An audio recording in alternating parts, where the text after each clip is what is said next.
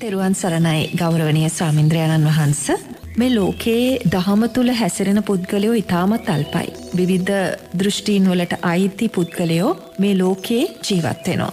අපේ ස්වාමින්හොස අදටත් මේ ලෝකදහතුවේ යම් සත්වයෙක් සුරක්ෂිත වෙලා සිටිනවා නම් ඒ මේ ආර්යමාර්ගයේ ගමන් කරන්න වූ උත්තම ස්වාමින්ද්‍රයණන් වහන්සේලා නිසාමයි කියන එක නිර්භයවම ප්‍රකාශ කරන්න පුළුවන් ඒ අතරේ ධර්මමාර්ගයේ ගමන් කරන ගිහි උදවියත් සිටිනවා. කොහොම නමුත් අපේ ස්වාමින් වහන්ස මේ ගෞරවනය ස්වාමින්ද්‍රයණන් වහන්සේලා වගේම ගිහි පාර්ශවයත් අපි එකට අරගෙන බැලුවත් මේ ප්‍රමාණය ඉතාමත් අඩු ප්‍රමාණයක් අපේ ස්වාමින් වහන්ස. පවතින්නා වූ වසංගත තත්ත්වය මැඩලන්න මේ අඩු ප්‍රමාණයකගෙන් යොදන ශක්තිය ප්‍රමාණවත් අපේ ස්වාමින් වහන්ස. එයින් මේ අකුසලය මැඩලන්න පුළුවන් කමක් තියෙනවද. ඔබතුමිය ප්‍රශ්නයක් හැටියට මගෙන් අහන්නේ වර්තමානයේ ලෝකේම මතු වෙලා තියෙන තත්ත්වය. තේරනද මේ කොරෝනාව තුළින් ඒ හරහා ආර්ථිකය බිඳ වැඩීම තුළින් මතු වෙලා තියෙන්න්න වූ මේ අනතුර ධර්මය තුළ ජීවත්වෙන සීමිත පිරිසකගේ ශක්තියෙන්. මීට වඩා නිවැරදි ආකාරයට කුසලය මතුවෙන ආකාරයට මතුකරගන්න බැරිද කියන කාරණය නෝනා. ඒතනදී මට දෙන්න තියෙන කෙටි පිළිතුර තමයි නොනා බැහැ කියන කාරණය. එක තනි පිළිතුරක දෙනවන එක වචනකින් පිළිතුරත් දෙනවන ඒ දෙන්න තියෙන පිළිතුර තමයි බැහැ කියන කාරණය මොකද ලෝකය කියල්නෙ නෝනා දුක ලෝකය කියන්නේ සැප. ලෝකයේ තුළ දුකත් තියෙනවා ලෝකයේ තුළ සැපත් තියෙන. ලෝකයේ තුළ හොඳත් තියෙනවා ලෝකයේ තුර නරකත් තියෙනවා. ලෝකයේ තුළ ඇත්තත් තියෙනවා ලෝකයේ තුළ බොරුවත් තියෙනවා. ලෝකයේ තුළ රාගයක් තියෙනවා ලෝකයේ තුළ විරාගයක් තියෙනවා. ලෝකයේ තුළ මෛත්‍රියත් තියෙනවා ලෝකයේ තුළ දේශයක් තියෙනවා. ලෝකයේ තුළ කරුණාවත් තියෙනවා ලෝකයේ තුළ ප්‍රචණ්ඩත්වයක් තියෙන. ලෝකයේ තුළ ලස්සනත් තියෙනවා ලෝකයේ තුළ අවලස්සනත් ලෝකයේ තුළ උගත්භාවයක් තියෙනවා ලෝකයේ තුළ නූගත්භාවයක් එනන්න ඕනා ලෝකය කියන පරස්පරයක්. ලෝකී කියන පරස්පරයක් මොකොද හොදත් තියෙනවා නරකත් තියෙනවා දුකත් තියෙනවා සැපත් තියෙනවා ලස්සනත් තියෙනවා අවලස්සනත් තියෙනවා. එත මේ පේ පරස්පරය නෝනා අපි කොතනින්ද නිවැරදි කරගන්නේ. එතනිනුත් වැඩි නරකනේද අපේ සාමිනහන්ස. ඒක තමයි දරුවේ ද පටිපන්නව අකුසල් වැඩිවෙන්න වැඩිවෙන්න වැඩිවෙන්න නරකයි වැඩිවෙන්නේ. පටිච්ච සමුපන්නව කුසල් වැඩෙන්න වැඩෙන්න හොඳයි වැඩිවෙන්නේ. එතොර දැන් මේ සම්මා සම්බුද්ධ ශාසනයක් ඇතිවෙලා අවුරුදු දෙදා සයිසීයක් ගිහිල්ලා දැන්තියෙන්න්න පුතේ සම්මා සම්බුද්ධ ශාසනය ආයිමත් අලුගසා නැකිටින කාලයක් නෙමේ. දැන්තියෙන සම්මා සම්බුද්ධ ශාසනය අවරට යන කාලයක්. ප්‍රාතිමෝක්ෂ සීලයන් දුර්වල කරලා සතරපාරාජිකාවන් ඒ දුර්වල කරලා සම්මා සම්බුද්ධ ශාසනය ක්‍රමාණුකූලව දුර්වල භාවයට පත්වෙලා චතුරාර් සත්‍ය ආර්ෂ්ඨාංගික මාර්ගය ලෝකෙන් අතුරුදහන් කරලා ඊළඟට පුතේ කාසාය කණ්ට කළ බිහි වෙලා මුර්ග සංඥාවට ලෝකයේ සූදානම් කිරීමේ ගමනක් තමයි පයන්නේ. ඒ නිසා කොතනකවත් ලෝකයේ වරදක් නෑ.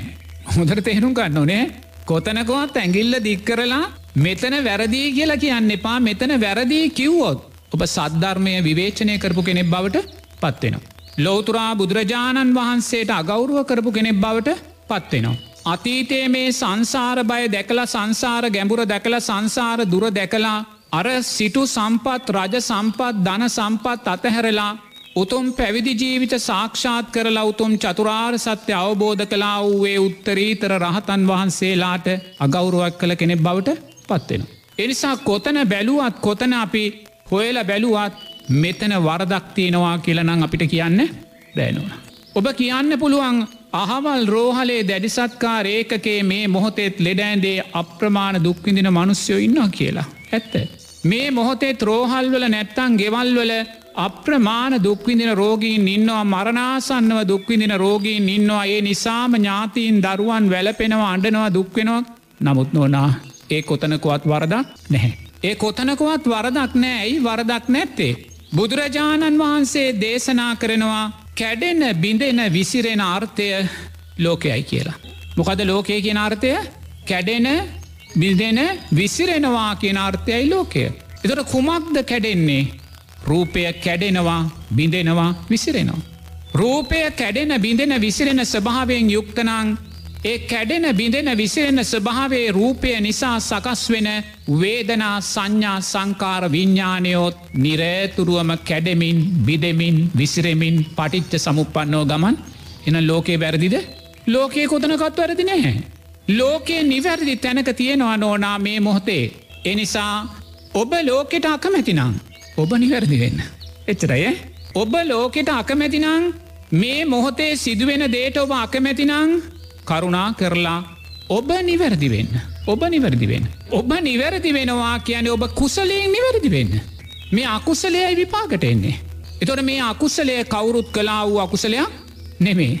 මේ අකුසලේ කවුරුත් කලා වූ අකුසලයන් නෙමේ අපි අපිම කරගත්තා වූ අකුසලයක් මංගිති මේක අප්‍රමාණ පන්සිල්වලුවෙන් කියලා තින ඕන. හෙට දවසේ කොරෝනාවෙන් මං අපවත් වනොත් අනේ පුතේ කාටවත් ඇගිල්ල දික් කරලා චෝදනා කරන්න නං එපාය. ඒ අපත්වෙන වෙලාවේ මට දෙන්න ඔක්සිජන් එක රෝහලේ නැතිවෙන්න පුළුවන්. නමුත් ඔබ ආණ්ඩුවට බයින්න එපාය. ඔබ දොස්සර මහත්මයාට බයින්න එපා ඒ මරණා සන්න මොහොතේ හරි මට ඔක්සිජන් එක නැතිවුණේ පුතේ සංසාරයේ මං කලා වූ කරුමයක් නිසා මයි ඊට අදාලා කුසලයක් නිසා මයි ඒක හොඳින් තේරුම් ගන්න ඕනේ ඒක හොඳින් තේරුම් ගන්න ඕන. එනිසා ලෝකය කියන්නේ කැඩෙන බිඳෙන විසිරෙන ස්භාවය නං. ලෝකය කියන්නේ දුකනං. ලෝකය කියන්නේ මාරයානං. දරුවෝ මීට වඩා දෙයක් අපිට ලෝකයේ තුළින් බලාපොරොත්තු වෙන්න හැ. මීට වඩා දෙයක් බලාපොරොත්තු වෙන බැහැ. ඒ ලෝකය කැඩෙන බිඳෙන විසිරෙන ස්භාවෙන් යුක්ත නිසයි ලෝතුරා බුදුරජාණන් වහන්සේ තමන්ගේ ලෙයින් නුපන් දරුවාර පුංචි රාහුල පුතා අපපච්චි මට දායාද දෙන්න දායාද දෙන්න කියල සුළගිල් එල්ලිල්ල එද්දිනෝනා බුදුරජාණන් වහන්සේ තමන්ගේ ලේ උරුමයට දුන්නේ දායාදය තමයි මේ උතුම් පැවිදි උපසම්පදාක්. මොකද ඉන් මෙහා නෝනා කොතනකවත් සැනසිල්ලක් ලැබෙන සතුටක් ලැබෙන නිවීමක් ලැබෙන දායාදයක් මේ ලෝකෙ කොතනකවත් නැහැ. එනිසා ඔබ මේ ලෝකයේ තුළ සිදුවෙන දේට අකමැතිනං හොඳට තේරුම් ගන්න ඕනේ කොරෝනා යකා ඔය කියන තරන් කලු නෑනෝ නෑ දැම් මරණ හාරදස් ගානක් ඔය පන්දස් ගානක් වෙලා ඇති ලෝකේම මරණ ලක්ෂ ගානක් වෙලා ඇති නමුත් කොරෝනා යකා ඔය කියන තරන්නම් කලු නැහැ. තෙරනට කොරෝනා යකාට වඩා තිත්තම තිත්ත කළු යක්කෝ අනාගත ලෝකයේ පහළ වෙනවේ එක හොඳර මත තියාගන්න ඕනේ එයින් එක යකෙක් තමයි මුර්ග සංඥාව කියන යකා තේෙන්න්නද. මුර්ග සංඥාව කියන යකා එදා මනුස්්‍යයා මනුස්්‍යාව මරාගට කනතැනට ඒ අකුසලය ශක්තිමත් වෙලා වර්ධනය වෙලා යන නෝනා. ඒ නිසා බුදුරජාණන් වහන්සේ දේශනා කරද්දේ මේ ලෝකයේ අර්ථය කැඩෙන බිදෙන විසිරෙන ස්භාවයයි කුමද්ද කැඩෙන්නේ රූපය කැඩෙනවා බිදෙනවා විසිරෙනවා රූපය කැඩෙනවා බිදෙනවා විසිරෙනවානන් රූපය ඇසුරෙන් සකස් වෙන වේදනා සංඥා සංකාර විඤ්ඥානයෝ ඒ ආකාරයෙන්ම කැඩෙමින් බිදමින් විසිරමින් පටිච්ච සමුපන්නව දුකකරාම ගමන් කරනවා නං. ඒක වෙනස් කරන්න ලෝතුරා බුදුරජාණන් වහන්සේටත් බැරිනං මා නෝනා අපි කුමද්ද කරන්න ඕනේ. කාරණා දෙකක් තියනෝ කරන්න. අනේ කොරෝනාව කොරෝනාව කියලා කම්බුලට අතතියාගෙන මානසිකව වැටිලා අපි තව තව තව තව තව තව දුකට පත්වෙනවායි කියන කාරණය මේ තත්වට අදාළ වෙන්නේ නැහැ. එක්කෝ කොරෝනාව යටපත් කරගෙන ඔබ නැකි හිටින්න. ඔබට ලෝකය ඕනෙනං ඔබ ලෝකයේ කැඩෙන බිඳෙන විසිරෙන ස්භාවය පිළිගන්න අකමැතිනං ඔබ මේ කැඩෙන බිඳෙන විසිරෙන ස්භාවය ඇස් දෙකට පෙනි පෙනිත් ඔබ නොකැඩෙන්න නොබිදෙන ලෝකයක් ඔබ බලාපොරොත්තු වෙනවනං කරුණා කරලා කොරෝනාව යටපත් කරගෙන අධිෂ්ඨාන සීලියව නැගේ හිටින්න. අයිමත් බයවෙලා ගෙවල් ඇතුළටලා ඉන්න අවශ්‍ය නැහැ. ඔබ එතනින් නැගේ සිටින්න. ඔබට තේරෙනවනන් දෙයනේ මේ කොරෝනාව තුළින් කොයි ආකාරයෙන් මං නැගී සිටියත්තේ නැගී සිටින්නේ කැඩෙන බිදෙන විසිරෙන ලෝකයකට මයි කියලා.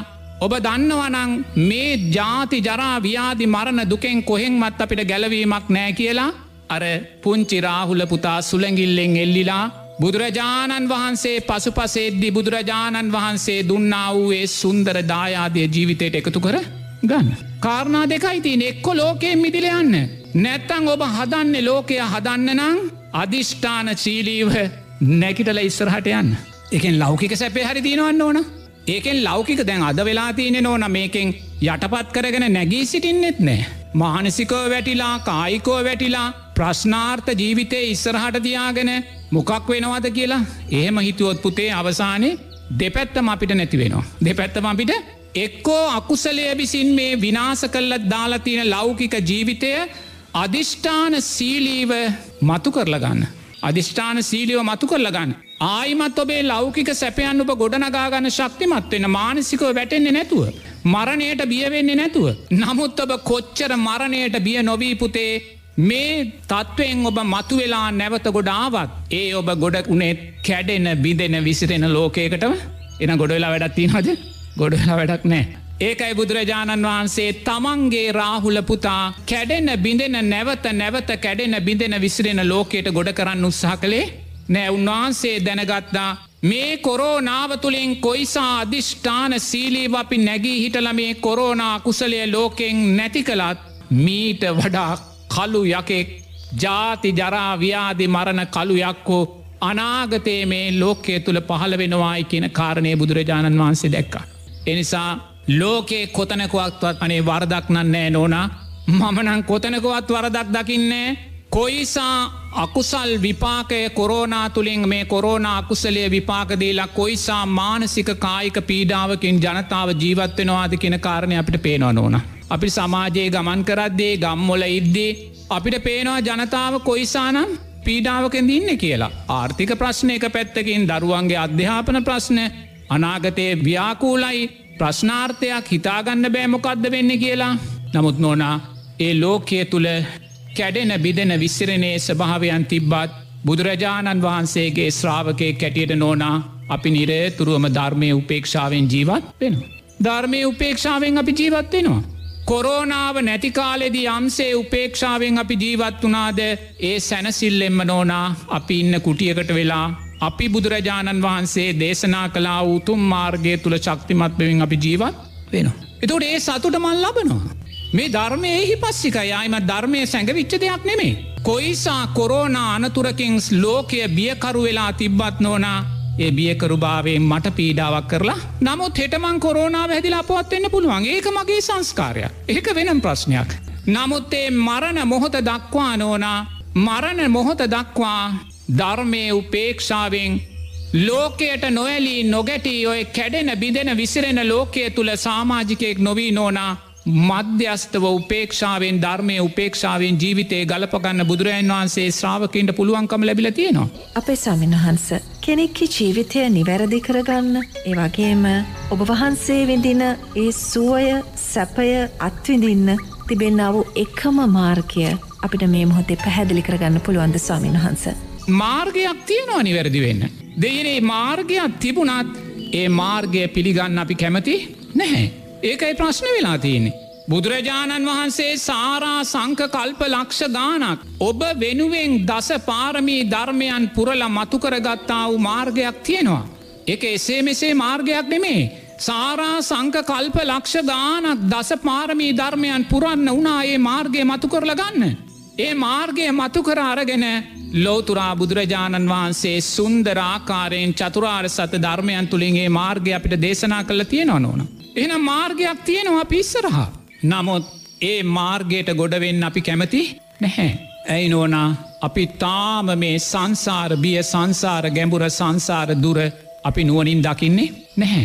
අපි ආවාවු මේ දීර්ඝ පටිච්ච සමුපන්න ගමන අපි නුවනින් දකින්නේ නැහැ. සක්විති රජ වනත් කවදාහරි කඩියෙක් කූම්බියෙක් නැවත වෙනවායි කියනේ සංසාර බියකරු භාවය අපි නුවනින් දකින්නේ නැහැ.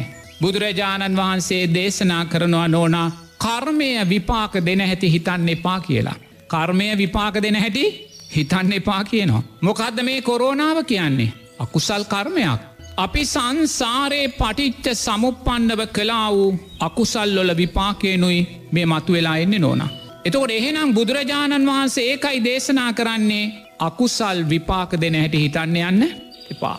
කර්මය විපාක දෙන හැටි හිතන්න යන්න එපා ඔබ හිතන්න ගියොත් ඔබ උමතු වෙයි කියලා බුදුරජාණන් වහන්සේ දේශනා කරනවා. එනිසා කොරෝනාව ගැන ඕනෑවට වැඩි ඔබ හිතන්න යන්න එපා. කොරෝනාව නිසා සිදුවෙන මේ මරණ ගැන මේ රෝගීභාවයන් ගැන මේ ආර්ථික බිඳවැටීම් ගැන මේ ජනතාව තුළ ඇතිවෙන ව්‍යාකූල භාවයන් ගැන අනාගත අවිනිශ්චිත භාවයන් ගැන බුදුරජන් වහන්සේ කියනවා හිතන්න නං යන්න එපා කියලා. හිතන්න යන්න එපා. ඔබට හිතලා මේක කව දාක්වත් විසඳුමකට නඟෙන්න්න හම්බුවෙන්නේ ඇයි? මොන දේ කළ නිසාද මේ දේ සිද්ධ වනේ කියෙන කාරණය ඔබට නම් මතු කරගන්න බෑ කියල බුදුරජන් වන්සේ කියන. එනම් ඔබ මේක ගැන හිතන්න ගියොත් මොකද වෙන්නේ? ඇයි අපිට මෙහෙම වනේ? ඇයි අපිට මෙහෙම වෙන්නේ? අපි මොන වරදක් කලාටද කියලා අපි හිතන්න ගියොත් බුදුරජන් වන්සේ කියන ඔබ උමතු භාවයට මොකක්ද මේ උමතු භාවය කියන්නේ. ඔබ සද්ධාවෙන් බැහරට යනවා. ඔබ තෙරුවන් කරේ සද්ධාවෙන් බැහරට යනවා. ඔබ සීලය කරේ විශ්වාසයෙන් බැහරට යනවා. ඔබ දානය කරේ විශ්වාසයෙන් බැහැරට යනවා. දෙයනේ මේවා කරලා ඇති වැඩේ මොකක්ද. අපේ අම්ම මෙච්චර දන්දුන්නා. අපේ අම්ම මෙච්චර කටින පින්කම් කලා. අපේ තාත්ත මෙච්චර සමාජ සේවය කලා. අපේ තාත්ත මෙච්චර සංඝයාට උපස්ථානය කලා. අනේ බලන්න කොක්සිජන් ටික නැතුව තාත්ත මැරුණනේ. අනේ බලන්න පෞද්ගලික රෝහලේ ලක්ෂගානක් ගෙවල වියදං කළත් අම්ම මැරුණනේ. නොනා බුදුරජාණන් වහන්සේ කියනවා හිතන්න එපා. හිතන්න එපා එහෙමුණේ ඇයි කියලා. හේතුවක් තිබුණා මයි එහෙම වෙන්න. හේතුවක් තිබුණා මයි. ලෝතුරා බුදුරජාණන් වහන්සේ පිරිනිවන් පාන්න මොහොතකට පෙරාතුව බලවත් ආකාරයෙන් උදරා බාධයක් ඇතිවෙච්ච වෙලාවේ අනේ බුදුරජාණන් වහන්සේක ගැන හිතන්න ගිය නැහැ. බුදුරජාණන් වහන්සේ දන්නවා මේ උදරාබාදය මේසා දරුණු ආකාරයෙන් දැන් වරින්වර මතුනේ මන් සංසාරය කලා වූ මේ අකුසල් විපාකය නිසාමයි කියලා බුදුරජාණන් වහන්සේ දැනගත්තා. දේවදත්ත හාමුදුරුව ගල් පෙරලමින් ඇතුන් එවමින් බුදුරජාණන් වහන්සේට මරණීය තර්ජනය කරද්දේ. හනේ බුදුරජාණන් වහන්සේ වගැන හිතන්න ගියෙත් නෑ ලෝකයට හිතන්න කිව්වෙත් නැහැ මොකද එහෙම හිතුවනං ජනතාව සද්ධාවෙන් බැහැරට යනවා. අනේ දෙයනේ ලෝතුරා බුදුරජාණන් වහන්සේට මෙහෙම මේ තරං වැරදි චේතනාවෙන් මනුස්්‍යයෝ මේසාත් වැරදි වැඩ කරනවා නං දෙයනේ බුදුරජාණන් වහන්සේ කෙරෙහි තින විශ්වාසය දුර්වල කරගන්න. නමුත් බුදුරජාන් වහන්සේ කිනව නැහැ ඔය සියලු දේවල් සිද්ධ වනේ සංසාරයේ මා කරගත්තා වූ අකුසල් විපාකයන්ගේ පලය සුන්දරයින නෝනා මෙතන අයිමත් වැරදි හරි හොයන්න තැනක් නෑ. ඒ සරම් පැහැදිලි. මුගලන් මහෝත්තමයාණන් වහන්සේගේ අතපය kudu කරලා අපවත් වෙච්ච වෙලාවේ අර පෘතක්ජන ස්වාමීන් වහන්සේලා බුදුරජාණන් වහන්සේට ඇවිල්ල බල කරනවා භාග්‍යවතුන් වහන්ස. ඔබහන්සගේ ප්‍රධාන ශ්‍රාවකයා අතපය කුඩු කරලා අපවත් කලා රජතුමාට අපි කියමු. රජතුමාට පැමිල්ලි කරෝ මේ අපරාධ කරුවන් අල්ලන්න කියල. භාග්‍යවතුන් වහන්සේ දේශනා කරනවා මහනෙන මුගලන් මහෝත්තමයාණන් වහන්සේට කිසි අසාධාරණයක් වුණේ නැහැ. මේසා සාධාරණයක් මන්ල මේ ලෝකෙ දකින්නේ නෑ මහනෙන කියලා කියනවා. තමන්ගේ ප්‍රධාන ශ්‍රාවකයාගේ අතපය කුඩු කරලා අපවත් කරලා තියෙද්දී. බුදුරජාණන් වහන්සේ කියනවා නෑ ඔය මුගලන්ට එක දසමයකුවත් අසාධාරණයක් වුණේ ඇයි සංසාරය කලා වූ විපාකයක් මයි මුගලන් මහෝත්තමයන් වහන්සේට මුල්ලුන් ඕන. එන දරුවෝ කොතනකුවත් වැරැද්දක් නැහැ. කොතනකුවත් වැරැද්දක් නැහැ. සමාජය තුළ රෝගීභාවය නිසාවේවා මරණ නිසාවේවා ආර්ථික බිඳ වැටීම නොනා සුන්දර ධර්ම මේවා. මොනවද සුන්දර ධර්ම. එතෝට මහා සංඝයා අරමුණු කරගෙන දෙන්න වූ දානේ දිය යුතු ක්‍රමවේදයක් බුදුරජාණන් වහන්සේ දේශනා කරනවා. ඒ දානේ සැබෑ පලයන් ලබන්න නම් ඒ දානය ජානමය චේතනාවන් තුළ තෙරුවන් කරේ සද්ධාව තියෙන්න්න ඕනේ ඒ වගේම තෙරුවන් කරේ ගරුත්වය තියෙන්න්න ඕනේ කර්මය කර්මඵල විශ්වාසය තියෙන්න්න ඕනේ සියතින් සකසා පූජා කරන්න ඕනේ. ප්‍රනීතව පූජා කරන්න ඕනේ. එතොට ඕනෑම දානයක් මේ කාරණා පහෙන් පරිපූර්ණ භාවයට පත්වෙන්න ඕනේ. තෙරුවන් කරේ සද්ධාව ඒ වගේම තෙරුවන් කරේ ගරුත්වය කර්මය කර්මඵල විශ්වාසය සියතින් සකසා දන්දීම ප්‍රනීතභාවේ දන්දීම. ස්වාමිනහන්ස ඒ අයට මේ දෙවල් පැහැදිලි කරලා දෙන්නේ විශේෂයෙන්ම ඒ අය වටා සිටින්නා වූ මහා සංගරත්නය එය ඇසුරු කරන මහා සංගරත්නය. බොහෝ වෙලාවට නිවනට යොමුවන කාරණාම නොවේ නේද ස්වාමිනස පැහැදිලි කරන්නේ. මෙහෙමයි පුතේ මේ කාරණය මේ ජීවිතය ප්‍රශ්නයක් නෙවේ. ඒක හොඳට තේරුම් ගන්න ඕනේ මේ සංසාරිකව පූජා කලා උදානයන්ගේ පලයන් තමයි දැම්මේ ලබන්නේ. සංසාරිකව පූජා කලා වූ දානයන් තුළ මේ කාරණාවන් පහන්තර්ගත වනේ තිබ්බා අඩු වැඩි වැඩියෙන්. ප්‍රනීතව දන්දීල තියෙනවා. ඒක හරි. සියතින් සකසා දන් දෙන්න ඇති. නමුත් කර්මය කර්මඵල විශ්වාසයෙන් තෙරුවන් කරේ සද්ධාවෙන් ගරුත්වය දුරුවල කරගෙනයි දන්දීලා තියෙන්. එනිසා දන් දුන්නා. අප්‍රමාණ දානයන් පූජා කලා එනිසා නෝනා රජකම ලැබුණා. තනතුරු ලැබුණා නිලත්තල ලැබුණා නමුත් ඒ සියල්ල ලැබුණේ ඇයි ගිය ජීවිතේ අප්‍රමාණදන් පූජා කලා. නමුත් නෝනායේ ලැබුණු තනතුර නිදහසේ පරිහරණය කරන්න ඉඩ දෙන්නේ නෑ. මොකද අභියෝගයන් වැල නොකැඩී මතු වෙලා එනවයි ඊට අදාළ අර සංස්කාර පිටි පස්සේ දුරලය දැන් අපි නිකං හිතන්නකෝ. අපි දානයක් දෙනවා කියන්නකෝ.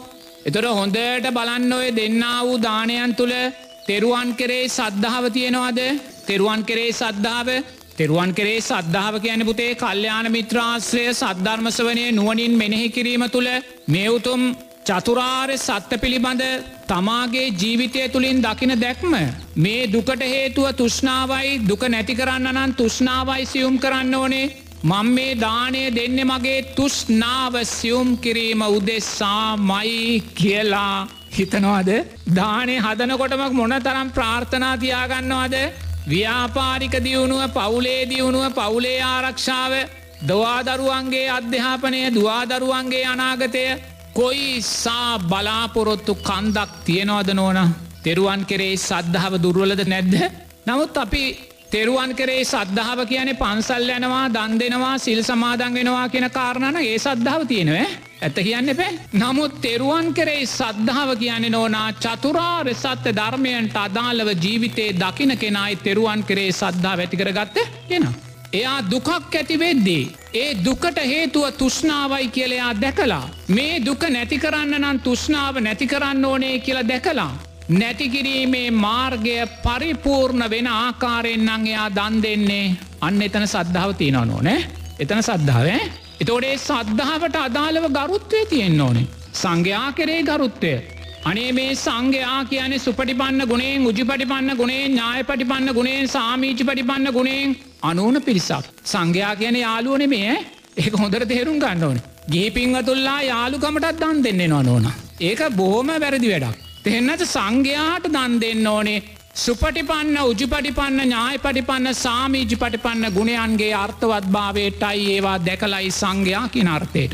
එහෙම නැතුව යාලුකමට හිතවත්කම්මොලට යාලුකම් ඇතිකර ගැනීම උදෙසා බැඳීම් ඇතිකර ගැමින උදෙසා දන් දෙනවනං සද්ධාවත් එතන නෑ ගරුත්තයත් එතන නෑ කර්මය කර්මඵල විශ්වාසයක් එතන එරු ගන්නු නෑ.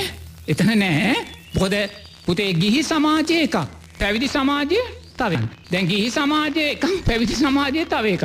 ගිහි සමාජයේ පින්වතුල්ලාට ගිහි කෙනෙක් උපකාරයක් කොලො ඔබේ පෙරලායාට උපකාර කරන්න ඕනේ. ගිහි සමාජය කෙනෙක් ඔබට ගෙදර ආහාරවේලක් කන්න එන්න කියලා ආරාධනා කරන. ඔබ ආහාරවෙලට යනවා. ඉට පස ඔබ මොකද කරන්නේ ඔබත් ඒ අයට නැවත ආහාරවේලකට එන්න කියලාට ගහනවා. ඔබ කෙනෙක්ගෙන් අයක් ගන්නවා. එයාට නයක් ඕන වෙලාට ඔබ යාට නය පුතේ එහෙම නොකොලොත් ඔබගේ අසත්පුරුෂ භාවයකු එතන නමුත් පැවිදි සමාජයට ඒ අදාල නැහැ.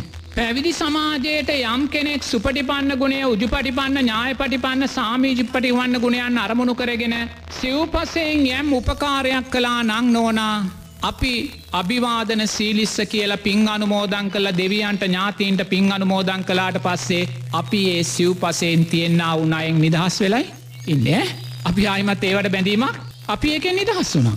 ඒ වගේම මහාකාශව මහරහතන් වහන්සේ කියනවා භාග්‍යවතුන් වහන්ස මම පැවිදි වෙලා දින හතකින් මට මේ ගිහිපින්වතුල්ලා පූජා කරන්න උද්දානේ ණය මංගෙවා දැම්ම කියලා. මොහදද සුන්දර දැනක් ඈ මහාකාශව මහරහතන් වහන්සේ දේශනා කරනවා සූත්‍රගත ධර්මයේදී මම් පැවිදි වෙලා දින හතක් ඇතුළත මම මේ ගිහි පින්වතුල්ලා මට පූජා කරන සිව්පසේ ණය මංගෙවා අවසන් කලා කියලා අයිමත් උන්වහන්සේ පින් අනුමෝදන් කරන්න අවශ්‍ය අවශ්‍යද නැද්ද අවශ්‍ය වෙන්නේ නැහැ අපේ සාමීන් වහන්ස. උන්වහන්සේ ගෙවා අවසන් කලා උන්වහන්සේ උතුන් චතුරාර් සත්‍ය අවබෝධ කලා ඒ උතුම් අවබෝධය උදෙසා දෙන්න උදානය ආයිමත් උන්වහන්සේක වචනකින්වත් දසමකින්වත් නය පින්දුන්නත් නැතත් නෝන. අපේ ස්වාමින් වහන්ස පන්සිල්මලුව හගනින්න බොහෝ දෙනෙකුට ඇතිවන ගැටලුවක් තමයි. එහෙම නම් ආර්යමාර්ගයේ ගමන් කරන්නට උත්සාහ නොකරන මහා සංග්‍රත්නය නියෝජනය කරන ස්වාමින්ද්‍රයණන් වහන්සේ කෙනෙකු සිටී නම් උන්වහන්සේ මේ ගිහි ශ්‍රාවකයාගෙන් ගන්නා දානයට නයයිද කියන කාරණය. අපේ ස්වාමින් වහන්ස?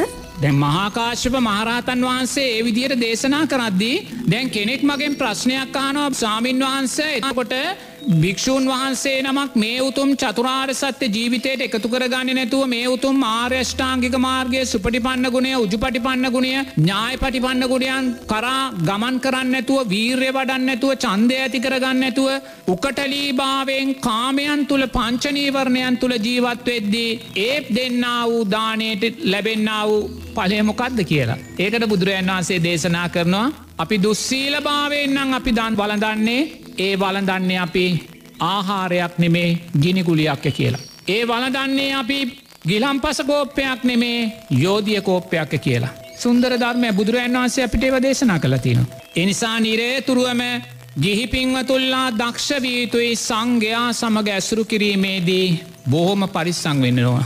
අපිට පේනවා සංඝයා සමග ඇසුරු කිරීමේදි ගොඩාක් අය බලවත් අකුසල් සිද්ධ කරගන්නවා නොදන්නා භාවය නිසා නෙමේ නොන තුෂ්නාවේ වැඩි භාවය නිසා.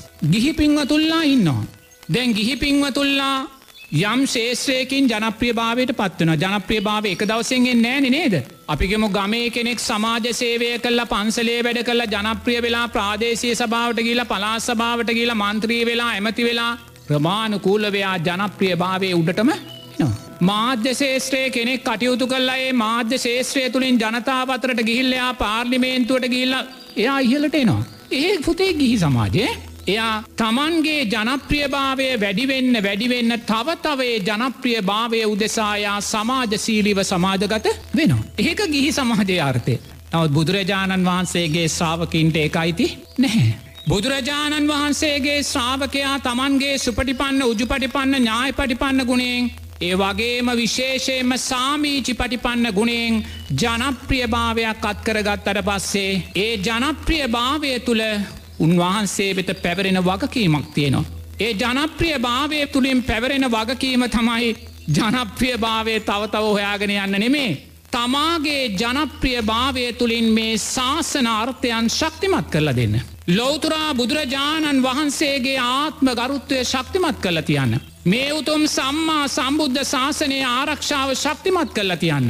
එම නැතුව රැල්ලේ සාධකාරහන්ට යෑම නෙමේ මොකද උන්වහන්සේ ගොලා ජනප්‍රිය වුණා දැන්. සංඝයා ජනප්‍රිය වුණට පස්සේ සංඝයාට තියනෙ තුඹසස්සට තවතව යන්නයි. අහිමත් තුඹසෙන් එලියට එන්න නෙමේ.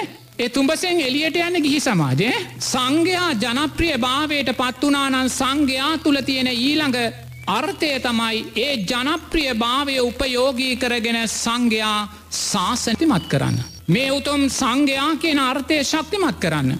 මේ උතුම් ප්‍රාතිමෝක්ෂ සීලේ අර්ථය ශක්තිමත් කරලා ලෝකෙට දෙන්න. මේ උතුම් සුපටිපන්න උජුපටිපන්න ඥාය පටිපන්න ගුණයන් සාමීචි පටිපන්න ගුණයන් තුළින් ශාසනය ශක්තිමත් කරනවා කියෙන තැන්ට එතර පුතේ ගී සමාජයයි පැවිදි සමාජය අතර අහසයි පොළොයි වගේ වෙනසක් තියෙනවා. එනිසා නිරේතුරුවම පින්කමක් කරද්දී දානයක් පූජා කරද්දී තෙරුවන් කෙරේ සද්ධාව තෙරුවන් කෙරේ ගරුත්වය මුල් වෙන්න මෝනෙ නොන. අද හුඟක් වෙලාවට තෙරුවන් කෙරේ ගරුත්වය සද්ධාව කියන කාරණය නෑම්කොද හිතවත්කමට යාලුකමට ප්‍රභූකමට ප්‍රභූකමටත් දන් දෙනෝ ගිහිල්ලා. අනේ සමහර ප්‍රබෝන් ඉදිරියේ හාමුදුරුවොත් දෙකට නැවෙනවා. තේන්නල්. සංඝයා කියන අර්ථයත් අපි දුර්වල කරගන්න. එතකොට ඒ තුළින් ගිහිපින්ව තුල්ලාගේ සද්ධාව ගරුත්වයක් දුර්වල වෙලා යන. කර්මය කර්මපල විශ්වාසයක් දුර්වල වෙලා යන. නමුත් ප්‍රනීතව දාන තියෙනවා. සකසාදානය තියෙනවා. ඒ දෙක තියෙනවා. නමුත් මේ තුන නිරේතුරුවම අපි දුර්වල භාවයන්ට පත් කරගන්න.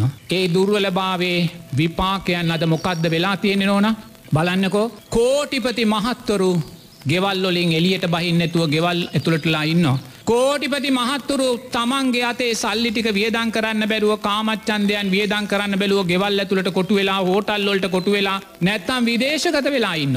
ඇයි නෝන ලැබුණා. නමුත් ලැබුණාට නිදහස්සේ බුක්තිවිදින්න අවස්ථාව දෙන්නේ සුන්දර ධර්ම මේවා. කොතනකොත් වැරදි නෑ වැරදිනං පුතේ මං මේ වගේ සුන්දරව මේ අදහස් ප්‍රකාශ කරන්නේ නේද. අපි සුන්දරව මේ වගේ අදහස් ප්‍රකාශ කරන්නේ වැරද්දක් පේන තැනත් නෑපුතේ. ඒ තරමටම මේ ලෝකය නිවැරදි. බුදුරජාණන් වහන්සේ කිව්වනල් ලෝකය කැඩෙන බිඳෙන විසිරෙන ස්භාවෙන් රාහුල ඔබට මේ ලෝකය තුළ ගිහිල්ලනං ගැලවීමක් නෑ සැනසිල්ලක් නෑ. එන්න රාහුල මංගොබට දෙන්න තියෙන ශේෂ්ඨම දායාදේ දෙන්නම් කියල දුන්නනන්න ඕනා ආයිමත් ඒ වචනයට අභියෝග කරන්න ඒ වචනයට පිටිං එක වචනයක් කතා කරන්න අර්ථයක් මේ ලෝකධාතුව තුළ නැහැ. එනිසා ඔබ දක්ෂ වෙන්න. ඔබ ලෝකෙට කැමතිනං. ඔබ තවත් මේ කැඩෙන බිඳෙන විසිරෙන ස්භාවය පිළි අරගන්න නැතුව. ඔබ ඉදිරියට මේ ලෝකෙ අන්න හදනවනං. මං ඔබට එපා කියන්නේ නැහැ. බුදුරජාණන් වහන්සේ ඔබට එපා කිව්වෙත් නැහැ. ඔබ එහෙම යන්න ලෑස්ති වෙනවනං කරුණා කරලා ඔබ ධර්මය ආරක්ෂාව ජීවිතයට එකතු කරගන්න.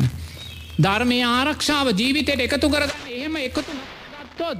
ඔබ අනාගතයේ මීට වඩා අකුසලේ කලු යක්කු විසින් ඔබෝ බිලිගනීවී. ඔබෝ බිලිගනීවි ඒ අයිමත් වලක් බැහැ. එනිසා මාර්ග දෙකක් ඔන්න පැහැදිලිව බුදුරජාණන් වහන්සේ කියල තියෙනවා එකක් මේ කොරෝනා කුසලේ යටපත් කරගෙන ධර්මය ශක්තිය තුළින් ඔබි නැගී හිතලා නැවතත් ඔබ ගොඩ නැගෙන්න්න. ඔබ සංවර්ධනය වෙන ඔබ ආර්ථිකතින් ශක්තිමත් වෙන රට ආර්ථිකතින් ශක්තියක් කරා යන්න බිය නැතුව කෙලින් මතු වෙලා. අනිත් පැත්තෙන් ඔබට තේරෙනවනන් දෙයනේ කොහොම නැගී සිටියත් ඒ නැගේ සිටින්නේ කැඩෙන බිඳෙන විසිරෙන ලෝකයක් තුළයි කියලා නිදහසතියනවා ඔබට සුන්දරව උතුම් පැවිදි උපසම්පදාවල් ලබලා එහෙම නැත්තං ගිහි ජීවිතය තුළ ඉඳලා මේ උතුම් සෝවාන් සකුරුදාගාමී අනාගාමී අරිහත් මාර්ගයන් තුළින් පුතේ ඔබට මේ ප්‍රශ්නය සදහටම විසඳගන්න ද මාර්ග දෙකත්තිනවේ කැමති පැත්තකට යන්න. කැමති පැත්තකට යන්න. මේ පැත්තෙන් යනවනල් ලෞකික පැත්තෙන් යනවනල් ලෞකික සැපසවාගෙන ඔබට තව අන්න ඕනෙ නං කරුණා කරලා ධර්මය ආරක්ෂාව යොදාගන්න. කරන පින්කම් තෙරුවන් කරේ සද්ධාව තෙරුවන් කරේ ගරුත්තය කේන්තිගන්න යන්න එපා තුෂ්නා වැති කර ගන්න යන්න එපා. තෙන්නද ඕවා සමාජය තුළ අප්‍රමාණ තියෙනවා මටනංම නෝනා පොත්ලියන්න පුළුවන් ඕවා ගැන. අහිංසක දායකින්ගේ කේන්ති ගැනීම් ඔවා ගැටේම් ගැන පොත්ලියන්න පුළුවන් ඒ තරටොම් මම සමාජය තුළ දැකලතින ඇයි දකින්නේ සංඝයා සංඝයාට උරුම ධර්මයන් තුළ දකින්නේ නැහැ. ගිහිපින්ව තුල්ලාගේ ඇසුරාකාරයෙන් සංඝයාත් ඇසුරු කරන්න උත්සා ගන්න. ඒ යාලුකං අපෙනුත් බලාපොරොත්තු වෙනවා දෙය සංඝයා කියන්න පුතේ මේ ලෝකධාතුවේ ශේෂ්ඨම පුද්ගලයි නට දෙනාගෙන් එක්කනෙක්. ඒ ශේෂ්ඨම පුද්ගලයි නට දෙනා අතර පුතේ මහා බ්‍රහ්මයායේ අට දෙනාට අයිති නැහැ. සක්විති රජ කෙනෙක්ේ අට දෙනාට අයිති නැහැ. සක්‍ර දෙවියන්නේ අට දෙනාට අයිති නැහැ. ඊට වඩා ශේෂ්ඨාර්ථයක් සුපටිපන්න උජුපටිපන්න ඥාය පටිපන්න සාමිචි පටිපන්න ගුණේ තුළ තියෙන්නේ. එතකොට මේ සංඝයා කියන්නේ පින් කෙතක්. මේ ලෝකධාතුවේ අඩුම දෙයක් වැය කරලා වැඩිම අස්වැන්නක් ගන්න පුළුවන් ශේෂ්ඨම පින්කෙත සංඝයා. අඩුම දෙයක් වගා කරලා වැඩි මස්වන්නක් ගන්න පුළුවන්. ඉඳුල් බට්කට පූජා කරලා අනුරුද්ධ මහරහතන් වහන්සේට තමන් අතින් ඉඳුල්ලුන බට්ටික පූජා කරලා පුතේ කල්ප ගානක සස්ත්‍රීක දිව්‍ය සැපල් ලැබපු මනුස්්‍යය අතීත හිටිය. ඉඳුල් බට්ටිකෙන් කල්ප ගානක් අප්‍රමාණ සැප ලැබුව නෝනා. ඒ වගේම මේ සංඝයා කියන දෙවියන් බ්‍රහ්මයින් වන්දනා කරන පිරිසක් නෝනහද. එවන් පිරිසකගෙන් අහිමත් ගිහියාලුකම් බලාපොරොත්තු වෙන්න එපාපුතේ ඔබලා බලවත් ආකාරයෙන් අකුසල්ලොල්ට කොටු වෙනවා. ඒ කොටුවිල්ලයි අපි මේ දකින්නේ. දරු අපි බියෙන් නෑ බුදුරජන් වහන්සේගේ ශ්‍රාවකය කැටියට එක දසමයක බියක් අපි තුළ නැහැ. නමුත් පුතේ සමාජය තුළ වසංගතයක් තියෙනවා. මමත් දවසකට සැරයක් පේයාවකෝපයක් වලතෙනවර ආයිවේද සංස්ථාව පේයාවකෝපයක් මටත් කවරුවරි මේ බෙහට ගන්න කියල සන්න මේක හොඳයිකොත් මත් ඒකත් වලතෙනවා. පුත ඒක සාමාන්‍ය දෙයක්. නමුත් බියක් කියන කාරණයක් අපි තුළ සකස් වෙන්නේ සුතේ බියක් සකස් වෙන්නේ නැත්තේ ඇයි. බියක් සකස් වෙන්නේ නැත්තේ ඇයි. අසරණ භාවයට පත්වෙන්න ඇත්තේයි. සංඝයා කියන බලය තුළ අපි ජීවත්වෙන්න පුතේ සංසාරයේ අපි දානයක් පූජා කලා නං. සංසාරයේ අපි සිව්පසයක් පූජා කලා නං. තෙරුවන් කෙරේ සද්ධහා වෙතන තිබ්බා. තෙරුවන් කෙරේ ගරුත්වය එතන තිබ්බා. කර්මය කර්මඵල විශ්වාසයතන තිබ්බා. ඒක සියතින් සකසා අපි ප්‍රනීතව දීලතියෙනවා ආයිමත් නෝනා ඒක හොයන්න අවශ්‍යතාවයක් අපි ඔප්පු කරලා තියෙනවා. බුදුරජන් වහන්සේගේ ශ්‍රාවකය ශ්‍රාවකයින් ඔප්පු කරලා තියෙනවා. සාරිපුත්ත මහෝත්තමයාණන් වහන්සේ මුළු ලෝකේටම ඔප්පු කලා. යසෝදරා උත්තමාවිය මුළු ලෝකෙටම ඔප්පු කලා. මුගලන් මහෝත්තමයාණන් වහන්සේ මුළු ලෝකෙටම ඔප්පු කලා. නෝනා අර සිව්පසය දානය ලැබීමතින් අග්‍රම තැනට පත්වෙච්ච සීවලී මහෝත්තමයාණන් වහන්සේ ලෝකෙට ප්‍රකට කලා. මොකක්දේ ප්‍රකටපලේ උන්වහන්සේලාගේ ආයුෂ වර්ණය සැපය බලයට අභියෝග කරන්න පුළුවන් කෙනෙක් මේ ලෝකධාතුව තුළ නැහැ. උන්වහන්සේලාගේ ආයුෂ වර්ණය සැපේට අභියෝග කරන්න පුළුවන් තමන්ගේ මතීතයෙන් එන්න වූ අකුසලේකට පමණයි නෝන. සාරිපුත්ත මහෝත්තමයාණන් වහන්සේ සතු බලය අභියෝග කරන්න කාටවත් පුළුවන්කමක් ලැබුන් නැහැ. වසවර්ති මාරයාටවත් සාරිපුත්ත මහෝත්තමයාණන් වහන්සේ සතු බලයට අභියෝග කරන්න පුළුවන්කමක් ලැබුන්නේ ඇයිඒ. ඒ බලය උන්වහන්සේ ගොඩනගාගත්තේ පටිච්ච සමුපන්නව පූජා කලා වූ දානයන් තුළ තෙරුවන් කෙරේ සද්ධාව ගරුත්වය කර්මය කර්මඵල විශ්වාසය ප්‍රනීතව සකසා දන්දීමේ ශක්තිය තිබ්බ නෝනා. ඒ වගේම මේ ජීවිතය උතුම් ආර්ය ප්‍රඥාව ආර්ය විමුක්ති ආර්ය ඥාන දර්ශනයන් තිබ්බා. ඒ බලයට අභියෝග කරන්න වසවර්ති මාරයාටවත් පුළුවන්කමක් ලැබුණේ ඒ බලයට අභියෝග කළේ උන්වහන්සේගේ මතීත සංස්කාරයන්ට අදාළව ජාති ජරාව්‍යාධි මරණයන් මයි. එනිසා දරුවෝ ඔබ කැමති ලෝකයේ තුළ ඉස්සරහට යන්නනං ඔබ මේ ලෝකයේ කැඩෙන බිදෙන විසරෙන ස්භාවය තාම පිළිගන්න අකමැතිනං තරාවෙන්ඩ පාමේම කිව්හට සද්ධාවේ දුරල භාවයක් සද්ධාවේ දුරල භාවයක් එක තේරුම් ගන්න ඕනේ.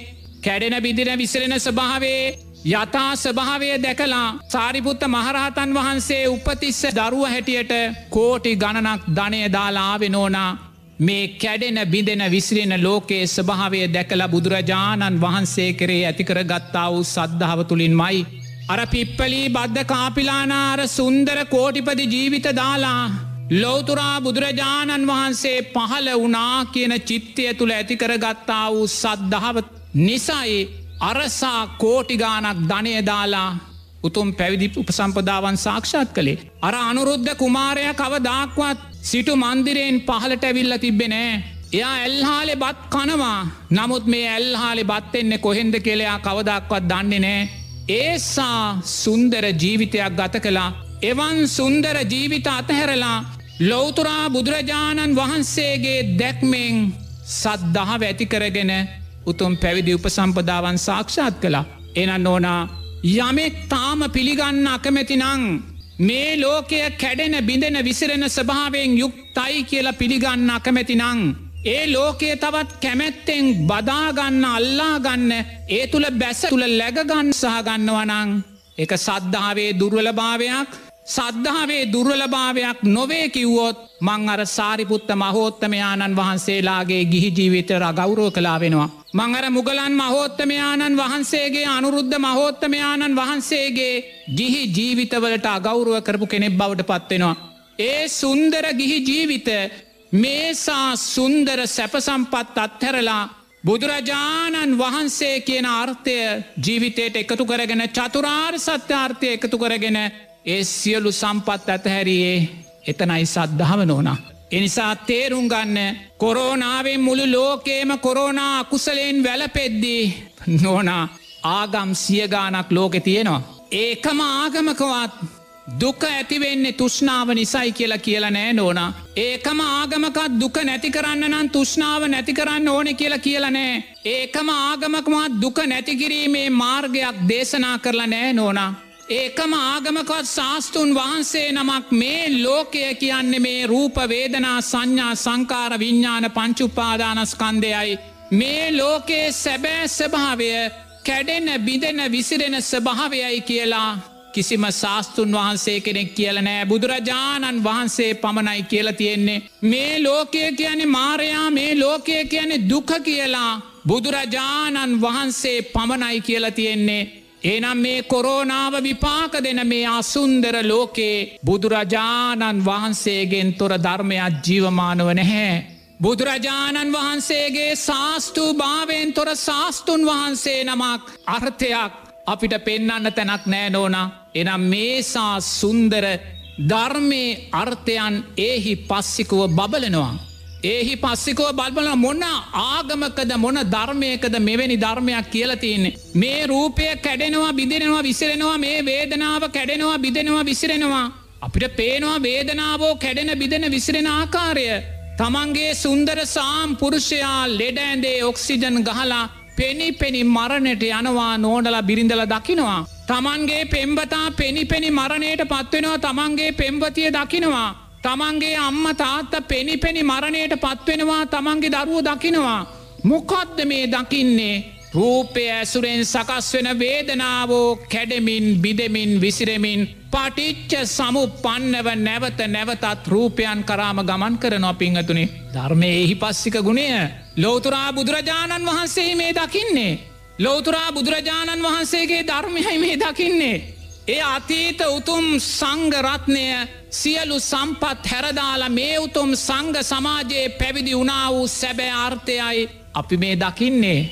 අපේ ස්වාමින්වහන්ස මේ පවතින්නා වූ පරිසරය ස්වාමින්ද්‍රයණන් වහන්සේලා මුණගැහිලා ඒ අවශ්‍ය කාරණා කටයුතු කරන්නට බොහෝ දෙනෙකුට අවස්ථාව නැහැ අපේ ස්වාමින් වහන්ස. කුමක්ද අප කළ යුත්තේ. මෙහෙමයි දරුවෝ ඒකත් හේතුඵල ධර්මයක් මොකක්ද හේතුඵල ධර්මය අතීතයේ අපි පූජා කලා වූ දානයන්ගේ දුර්වලභාවයන් නිසාම අපිට මේ වෙලාවේ අතින් සකසා පූජා කරන්න ඒ තත්ත්වය අහිමි කරලයි තියෙන්නේ. ඒ වගේම සංඝයාගේ තකුසල් සංස්කාර. සංඝයාටත් සිද්ධ වෙනවා අද පන්සලේ තියන දානශලාවට නැත්තන් කුස්සියෝල්ට ගිහිල්ලා එක කැපකරුවන් එක කැපකරුවන් ඉන්නවනම් ප්‍රශ්නයන්නේ නැත්තං ස්වාමින් වහන්සේලා මේවා සකස් කරගන්න ඕන දායකන්ට කියලා පිරිියරගෙන ඒ වගේම අවශ්‍යාකාරයෙන් දන් පැන් ලැබෙන්නේ නෑ. අපිට පේනවා උගක් ස්වාමින් වහන්සේලාට දන් පූජා මේ දවස්වල ලැබෙන ආහාර දුර්වලයි තේනත් ඇයි දුර්වල? ගම්වල ඉන්න පිංහතුල්ලාට තාර්ථික ශක්තිය නැහැ. නමුත් දානය දුර්වලයි ගැන පුතේ ස්වාමින් වහන්සේලා කුසගින්නෙන්නේ ඒක තේරුම් ගන්න ඕන. තේරනාද. දැ මේ දවසල අපිට ලැබෙන පින්ඩ පාතය බොහම සැහැල්ලුයි. තැ කොරෝනාව නැතිකාලේ අපේ පාතරවලට වැඩියම්ම ලැබෙන්න්න පුසේ දානය නාමයෙන් වසවිස. මොකක්ද ලැබෙන්නේ දානය නාමයෙන් වසවිස හරිද ඇයිකැන පුතේ ඔක්කොම කඩවල්ලොලින ගන්නේ සුදුසුදේයි නොසුදුසුදේයි තේරුමක් නැති දේවලුයි අපිට ගැලපෙන දේත් නොගැලපෙන දේත් ඔක්කොම ලැබෙනවා. තේන කඩේට ගියක් ඕන තරන් තියෙනවා සල්ලිත් තියෙනවා ගෙනල පූජා කරන. නමුත් දැන් ඒක වෙන්නේ දැම්පුතේ සෑම දානකදිම අපිට ලැබෙන්නේ ගෙවත්තේම තින ආහාරටික.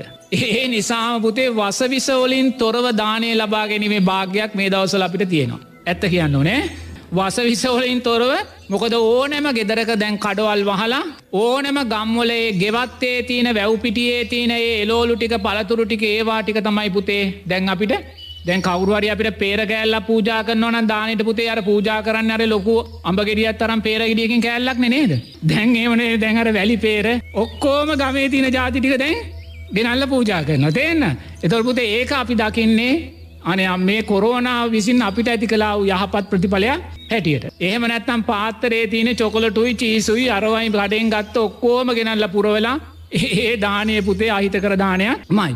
නමුත් ඔබ හැව්වා වූ ප්‍රශ්නෙදී. සාමීන් වහන්සේලාට මේ මෝතේ දානේ දුර්වලත් භාවයන් සකස් වෙනවා පුතේ මේ ඒක කොරෝනාවට බාර දෙන්න එපා කොරෝනාවට බාර දුන්නොත් අපිට ඒක නිවැරදි වෙන්නත් බැහැ සංඝයාට ලැබෙන්න්න වූ දානේ දුර්වලභාවයන් සංඝයා ලබන්නේ සංඝයාගේ අකුසල් විපාකයන් නිසා.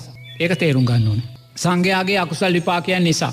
එනිසා අපි දක්ෂ වෙන්න ඕනේ දානේ දුර්වලභාවයන් කොයිසා සකස් වුනාත් අපේ ප්‍රාති මෝක්ෂයේ දුර්වලභාවයන් නං ඇතිකර ගන්න යන්න එපා.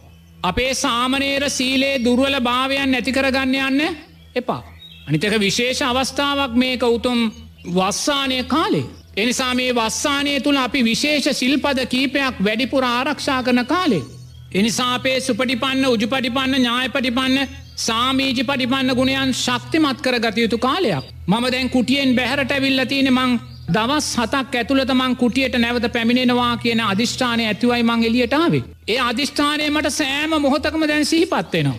මේ කියද්දිත් මට සීපත්වෙනවා මන් දින හතක් ඇතුළට කුටියට යන්න ඕනෙ කියල ම ඒ රෑතමයි කොළඹටාවේ දැන් හෙට උදේ වෙනකොට මං මෙතනින් පිට වෙනවා මට ඕන්නන්තා වැඩිපුර දවසකින්න නමුත් මගේ දවසවත් ගන්න නෑයි බුදුරජාණන් වහන්සේ දේශනා කලා වූේ වස්සීලයට තව තව ශක්තියක් අපේ ජීවිත තුළින් සකස් කරලා දෙන්න. එනිසා මේ මොහොත සංඝයා වඩාත් ශක්තිමත්ව සිටිය යුතු මොහොතක්. එනිසා දානයේ දුර්වලභාවයන් තියෙනවා කොරෝනා ප්‍රශ්න තියෙනවා එනිසා ඒවා තියෙද්දි අපි කාමච්චන්දයන් පැත්තට යොමුණොත් එමනත්තන් එලෝලු කොටු වන්න වෙන වෙන දේවල්ලොට යොමුණොත් ඒමත් ඇත්තන් දුරකතනය අතේතියාගෙන අර දුරකතනය තුළ ඒ දේවල්ලොට ගිහිල්ලා කාමච්චන්දයන් පැත්තට හිත වඩාගන්න ගියොත් අපිට මීට වඩා බලවත් අනතුරු මීට වඩා දානේ දුර්වලතාවයන් අනාගත ලෝකයේ තුළ සකස් වෙන්න පුළුවන්. මොකද අකුස්සලයක් විපාක දෙන්නේ තවත් අකුසල් අපිට සිද්ධ කරලා දෙන්න. එනිසා මේ මොහොතේ විපාක දෙන්නේ අකුසලයක් බුදුරජාණන් වහන්සේ දේශනා කරනවා කර්මය විපාක දෙන හැටි හිතන්න එපා කියලා හේතු හිතන්න එපා කියලා ඒක හිතන්න පුළුවන් ලෝතුරා බුදුරජාණන් වහන්සේ නමකට පමණක්මයි එක දකින්න පුළුවන් ලෝතුරා බුදුරජාණන් වහන්සේ නමකට පමණක්මයි එනිසා මේ මොහොත ඔබ දකින්න අපිම කරගත්තා වූ අකුසල් සංස්කාරයන් විපාකටෙන මොහොතක් කියල අපි දකින්න. අනේ දැකලා සුන්දර මාර්ගයක් තියෙනවා අකුසලයෙන් මිදෙන මාර්ගය. සුන්දර මාර්ගයක් තියෙනවා කුසලය මතු කරගන්න මාර්ගය. එනිසා ඒ සුන්දර මාර්ගයට අවතීරණ වෙන්න. ඒ සුන්දර මාර්ගයට අවතීරණ වෙන කල්්‍යාන මිත්‍රාශ්‍රය ලබන්න සද්ධර්මසවනය කරන්න නුවනින් මෙනෙහි කරන්න එහෙම මෙනෙහි කරලා උතුම් චතුරාර් සත්‍ය ධර්මයන් තුළින් මේ උතුම් ආර්යෂ්ඨාංගික මාර්ගය මතු කරන්න. මේ උතුම් ආර්යෂ්ඨාංගික මාර්ගය මතු කරලා සම්මාධිට්්‍යයේ ශක්තිය ජීවිතයට එකතු කරගන්න. සම්මාධිට්්‍යයේ අර්ථයන් ජීවිතයට එකතු කරගත්ත කෙනා නෝනා අපි දකිනොත් පින්කං කරද්දි කොයිසා තුෂ්නාවක් පින්වතුල්ලා කොයිසාත් සංස්කාර කරේ තුෂ්නාවකින්ද සිද්ධ කරන්න කියලා නෝනා. එතොට ඒම කරද්දිම අපි තුළ සම්මා සංකප්පයන් වැඩිලා නැහැ. සම්මා සංකප්පයන් වැඩෙන් නැත්තේයි අපි සම්මා දිට්ටිය ශක්තිමත් වෙලා අපි මේ සංස්කාරයන්ගේ අනිත්‍ය භාවය අපි දකින්නේ නැහැ. නමුත් සිල්පද පාස් හොඳින් තියෙනවා. ඒක හරි සීලයේ ශක්තිමත්. නමුත් සීලය ශක්තිමත් වනත් ඒ සීලයේ ලෞකික ප්‍රඥාවෙන් පෝෂණය කරලා නැහැ. ඒ නිසාම සම්මා සමාධයක් කරා අපි කරන්න වූ පින්කම් අපි අරං යන්නේ නැහැ මම මේක ගිය පන්සිල් මළුවෙත් මතක් කලා. එනිසා නිරහතුරුව දක්ෂ වෙන්න තමාගේ හිසට තමාගේ අතමයි සෙවනැල්ල බුදුරජාණන් වහන්සේට පුළුවන් මාර්ග කියල දෙන්න විතරයි. මම මේ මෝතේ සැනසිල්ලෙන් ජීවත්වෙන්නේ බුදුරජාණන් වහන්සේගේ ශාස්තූ භාවය තුළ චතුරාර් සත්‍ය ජීවිතයට එකතු කර ගැනීම නිසාමයි. ඒ සැනසිල්ල මං බුදුරජාණන් වහන්සේගේ ශ්‍රාවකය කැටියට මේ මෝතේ ජීවත්වෙනවා ඒ නිසා මගේ ජීවිතය තුළින් සිදුකරන සෑම කටයුත්තකදිම නිරේතුරුවම අවධානයොමු කරන්නේ තුෂ්නාව කියන කාරණයටයි. එක හොඳට තේරුම් ගන්න ඕනේ මොකද අපිටත් ගිහි ජීවිතයක් තිබ්බනි නෝන ඒ ගිහි ජීවිතය අපි ආපු තැනක් තියෙනවානේ නේද. මංගෝක පන්සිල් මලුවෙන් අප්‍රමාණ කිව මං ගමේ පල වෙන තැනකට කොහටුවත් ගිහ නෑ.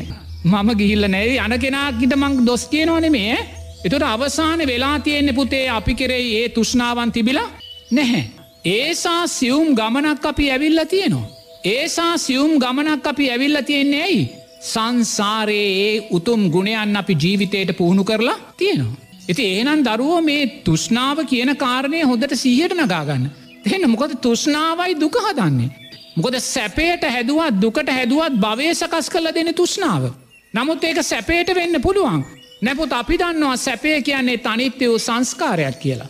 එනිසා නිරේතුරුවම නෝනා මේ විපාක දෙන්නේ අකුසලයක් කවුරුත් කරගත්ත දෙයක් නෙමේ අපිම කරගත්ත දෙයක් අනේ නිසා හැකිතාක් පින්කං කරන්න රටවටේ අමින් පින්කම් කරන්න නමුත් තුෂ්නාව කියන කාරණය ගැන පරිස්සම්වෙන්න. අපේ ස්වාමින් වහන්ස මේ කාරණයත් ඔබහන්සේගෙන් පැහැදිලි කරගන්නට අවශ්‍යයි. මේ වසංගත තත්ත්වය නිසා පීඩාවට පත්වෙලා සිටින බහුතරයක් ජනතාව අපේ ස්වාමින් වහන්ස විවිධ පුද්ගලීන් නිසා දේශ සහගත තත්ත්වයට පත්වෙලා සිටිනවා. රටේ පාලක පන්තිය ප්‍රභූ පන්තිය අනෙකුත් අවශේෂ පුද්ගලයෝ ඒ අයගේ ක්‍රියාකාරකම් මේ දේවල් එක්ක බහුතරයක් ජනතාව ගැටෙනවා.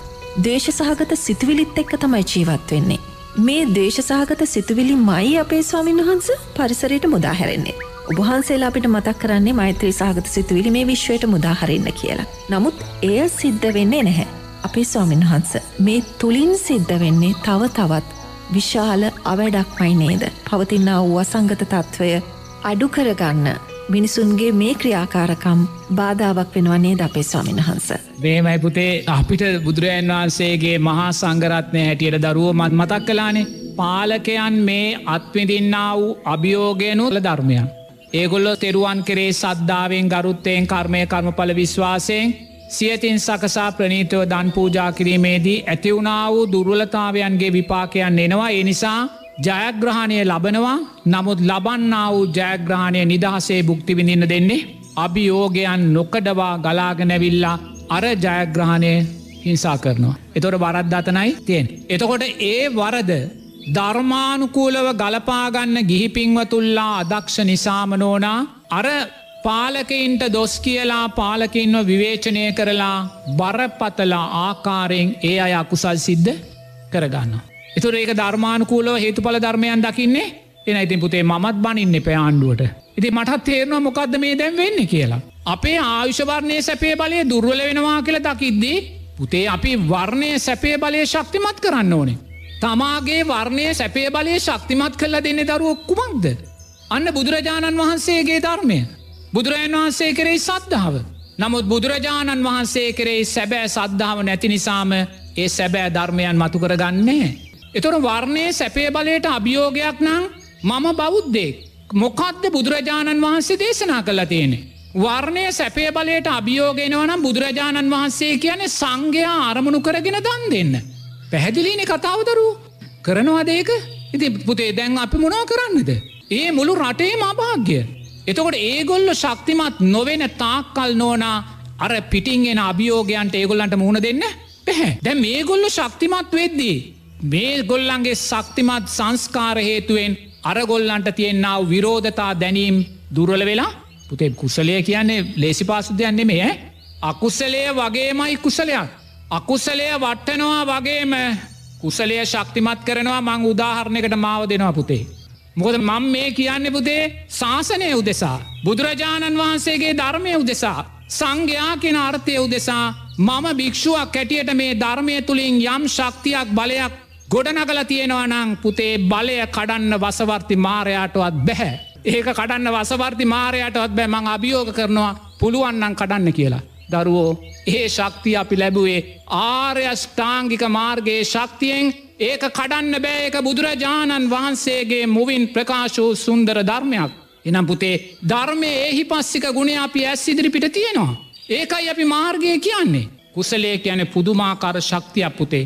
නමුත් ඒ කුසලේ බලවත්භාවේ තේරුම් ගන්න ලෝකයට සම්මාධිට්‍යයක් නෑපුතේ. ඒ සම්මාධිට්‍යය නැත කල්්‍යයාන මිත්‍රාශ්‍රය සද්ධර්මසමනය නුවනින් මෙනේ කිරීම දුර්වලයි.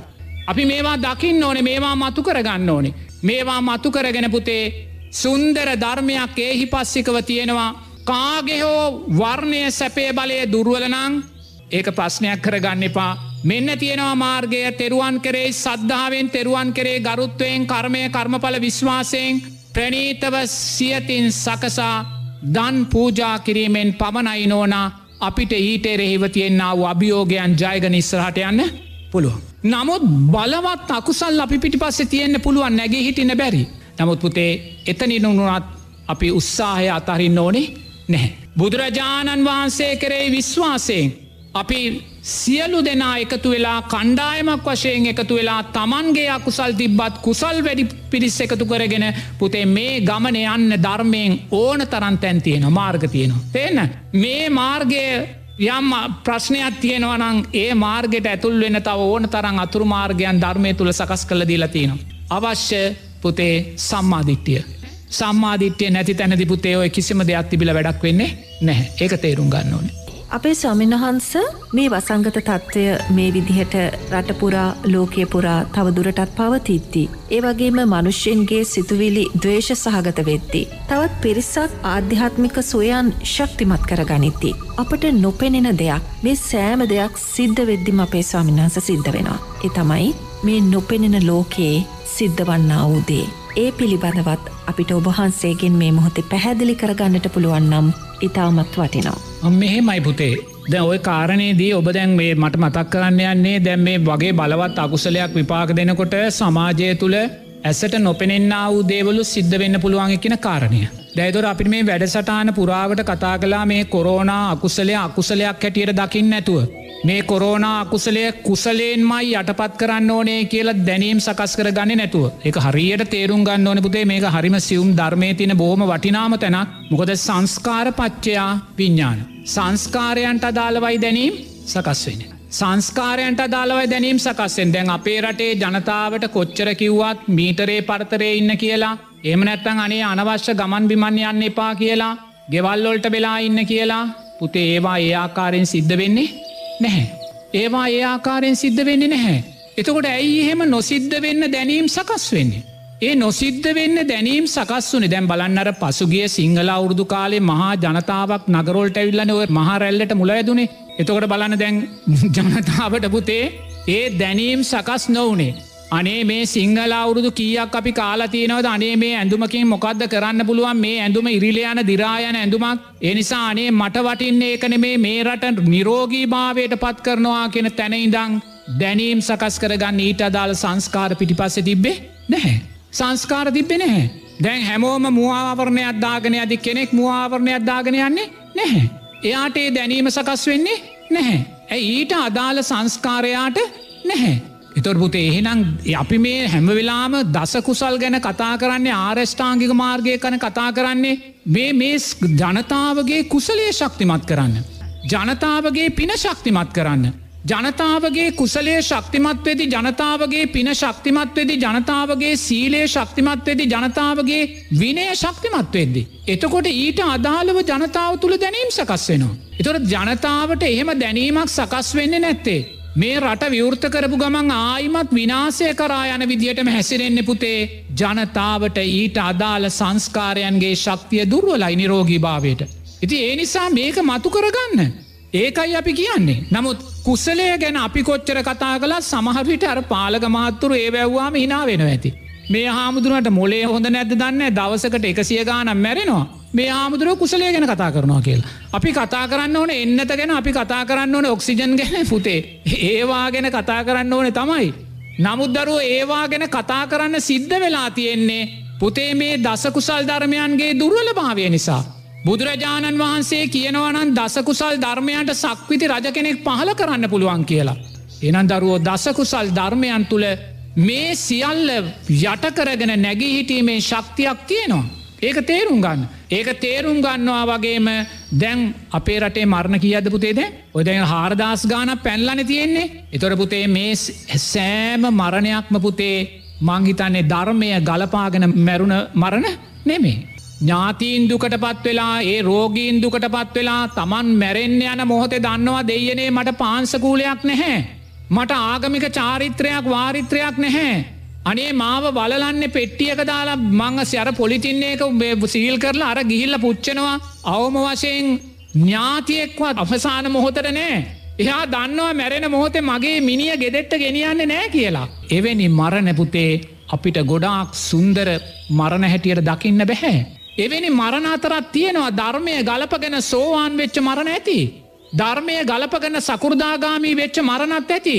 ධර්මය ගලපගන දිව්‍යලෝක ගිය මරණත් ඇති. නමුත් පුතේ මම දකින්නේ වැඩිපුර තියෙන්නේ දුරල වූ මරණ. ඒ නිසාම මේ කොරෝනා අකුසලේ තුළ මෙච්චර අපි කියන්නේ දස කුසල් ධර්මයන්මයි එකම දේ කියලා මම දැම්පුතේ හැම පන්සිල් මලුවටම සමහරු හිනාවෙද්දිත් මම කියනවා.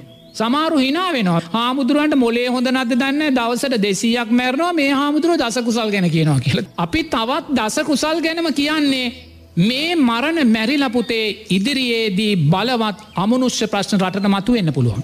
මොකද මේ මැරෙනෑ හුඟක්ම අසරණ භාවෙන් මැරෙන්නේ. අරේදා විශාලාවේ අවසානය මහා අමනුෂ්‍ය ප්‍රශ්නාවේ. එතකොට දැන් මේ මරණ කියන්නේ මෙතනින් මේ නැවතුනාගෙන කාරණය හිතන්න එපා. මේ මරණයෙන් පස්සේ බලවත් අමනුෂ්‍ය ප්‍රශ්න මේ සමාජය තුළ රට තුළ මතුවෙන්න පුළුවන්. එතකොට ඒ අමනුෂ්‍ය ප්‍රශ්නවලට අපිට ඔරොත්තු දෙන්න පුළුවන් වෙන්න පුතේ එන්නතකින් නෙමේ. ඇමරිකාවෙන්වත් චීනකින් යො නෙමේ ඔය මෝඩ සිතුවිලි ඉතන්න එපා මිත්‍යා දෘෂ්ටියෝක සම්මාධිට්ටියක් නෑ අයින්සක අපිට බයින්න එපා. අපි කියන බුදුරජන් වහන්සේගේ ධර්මය. ඒ නිසාපුතේ ඉදිරියේදී බලවත් අමනුෂ්‍ය ප්‍රශ්න මතු වෙලා මේ ජනතාවගේ සිතුවිලි මීට වඩා චංචල කරන්න පුළුවන්. මතකන පහුගිය කාල පෙළපාලිගිය හැටි නේද. ඇ මනුස්්‍යයෝ කරන දේවල් නෙමේනි පුතේ ඕ ඕ පිටි පස්සේ අමනුෂ්‍යයෝ ඉන්න තේෙන්න්නද ඔය හිත් කළම්බන්න ඔය හිත් චංචල කරන්න ඔය හිත් විකෘති කරන්න දැම් පුතේ දැම් මැරෙන සමහරු ඉන්නවානේ මැරෙන වෙලා පුතේ ආණ්ඩුවත් එක වෛරෙන් මැරෙන්නේ. වෛර සමහරු හමුදාවත් එක වෛරෙන් මැරෙන ඇති පොලිසියත් එක වෛරෙන් මැරන ඇති දොස්සර මාත ඇත එක වෛරෙන් මැරෙන ඇති. එතෝට පුතේ ඒ අමනුස්්‍යයෝ කාටහරි වැහිලා ප්‍රචන්්ඩමයි කරන්නේ. තේන්න චංචලමයි කරන්න විකෘතියක්මයි කරන්නේ. ඉති ඒකයි දරුවෝ අපි කියන්නේ සියලු දේට වඩා මේ මොහොතේ වටින්නේ ආර්යෂ්ඨාංගිකෙස් මාර්ගයේ ශක්තියමයි. දසකුසල් ධර්මයන්ගේ ශක්තියමයි. එනිසා ඇස්තිනන්ගේ දේ තේරුම් ගන්න පුතේ මීට වඩා සුන්දර අනාගතයක් අපේ රටට නමුත් පාලකයෝ තාමත් සූදානම් වෙන්නේ එන්නතිකින් ගොඩ එන්න නන්න ඇත්තං ඇමරිකාවෙන් චීනයෙන් ගොඩ එන්න නං පුතේ මේකෙන් ගොඩගන්න නං ඇතුන් කෝටියක් දාලවත් බැරිවෙනවා කියන කාරණය භික්ෂුවක් හැටියට නිර්භවව තෙරුවන්සත්.